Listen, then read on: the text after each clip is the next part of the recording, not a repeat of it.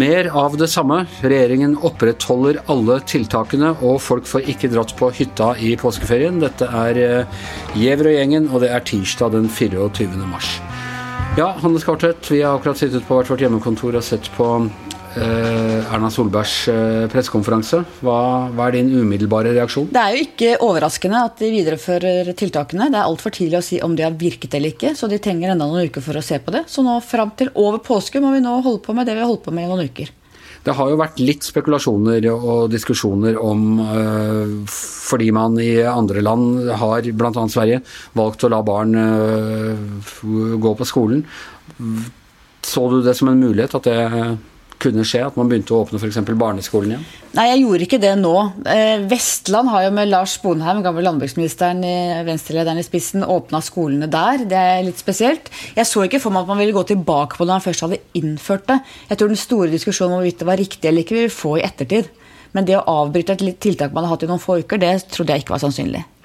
Men den store diskusjonen, og den som skaper mest ampre følelser, det er jo hytta. Hytteforbudet øh, varer helt til påske og over, øh, over påske. Der var øh, der hadde ikke Erna noe særlig å gi. Hun var helt tydelig på at dette gikk ikke egentlig på smittefare, men på den kapasiteten det koster å holde orden i fjellet, redde folk i fjellet generelt og i det hele tatt. Og det har vi rett og slett ikke muskler til nå. Eh, vi hørte jo hennes tidligere regjeringspartner Siv Jensen på eh, Politisk kvarter, som gikk langt i å be henne eh, oppheve deler av hytteforbudet. Er dette en potensiell politisk konfliktlinje framover nå? Ja, det tror jeg både i rikspolitikken, så som du sier Siv Enstad, men også lokalt, for vi ser at det har blitt mye strid i en del kommuner mellom hyttefolket og eh, bygdefolket.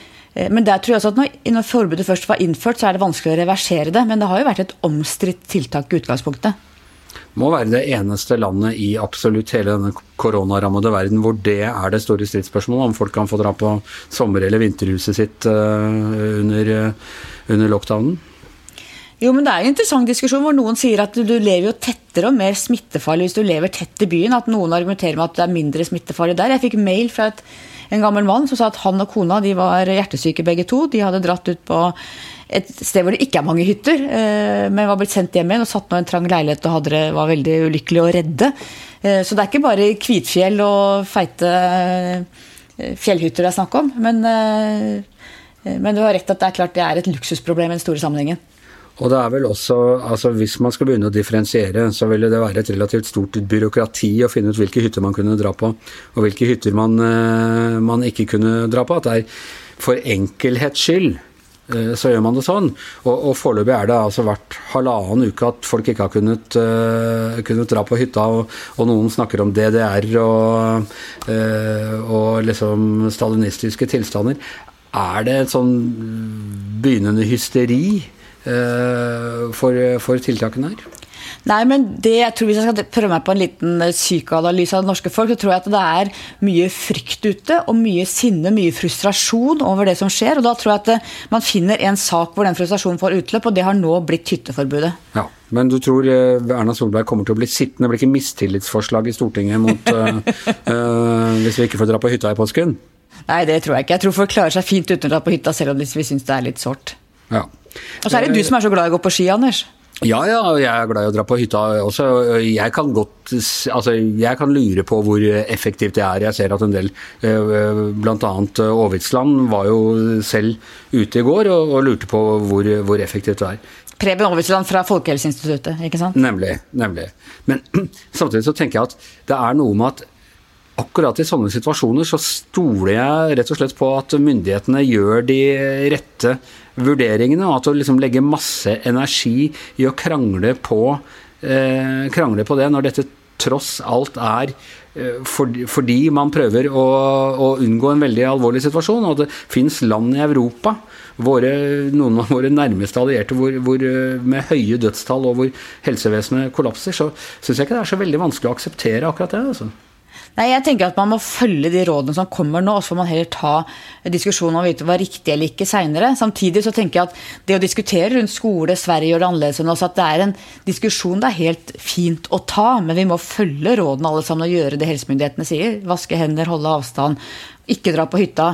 Fordi det er det som er strategien fra de som kan dette best akkurat nå. Akkurat, Diskusjonen får vi ta litt seinere. Akkurat det med å vaske hender har det heldigvis ikke vært noen diskusjon om. Man venter på Facebook-gruppa vi som nekter å vaske hendene.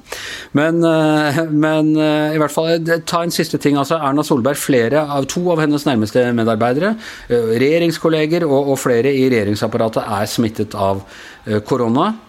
Hun har valgt å ikke teste seg. Eh, forsvarte det på pressekonferansen. Er det smart, eller burde hun ha gjort det? Jeg syns det er vanskelig å svare på. Eh, Donald Trump sier han har gjort det. Angela Merkel sier eh, har også testet seg. Erna Solberg sier da at det er fordi de har vært i kontakt med folk som er berørt av korona på en måte som gjør at de må teste seg. Hun har ikke vært det. Samtidig som du sier, så vet vi at to-tre av hennes nærmeste medarbeidere har korona.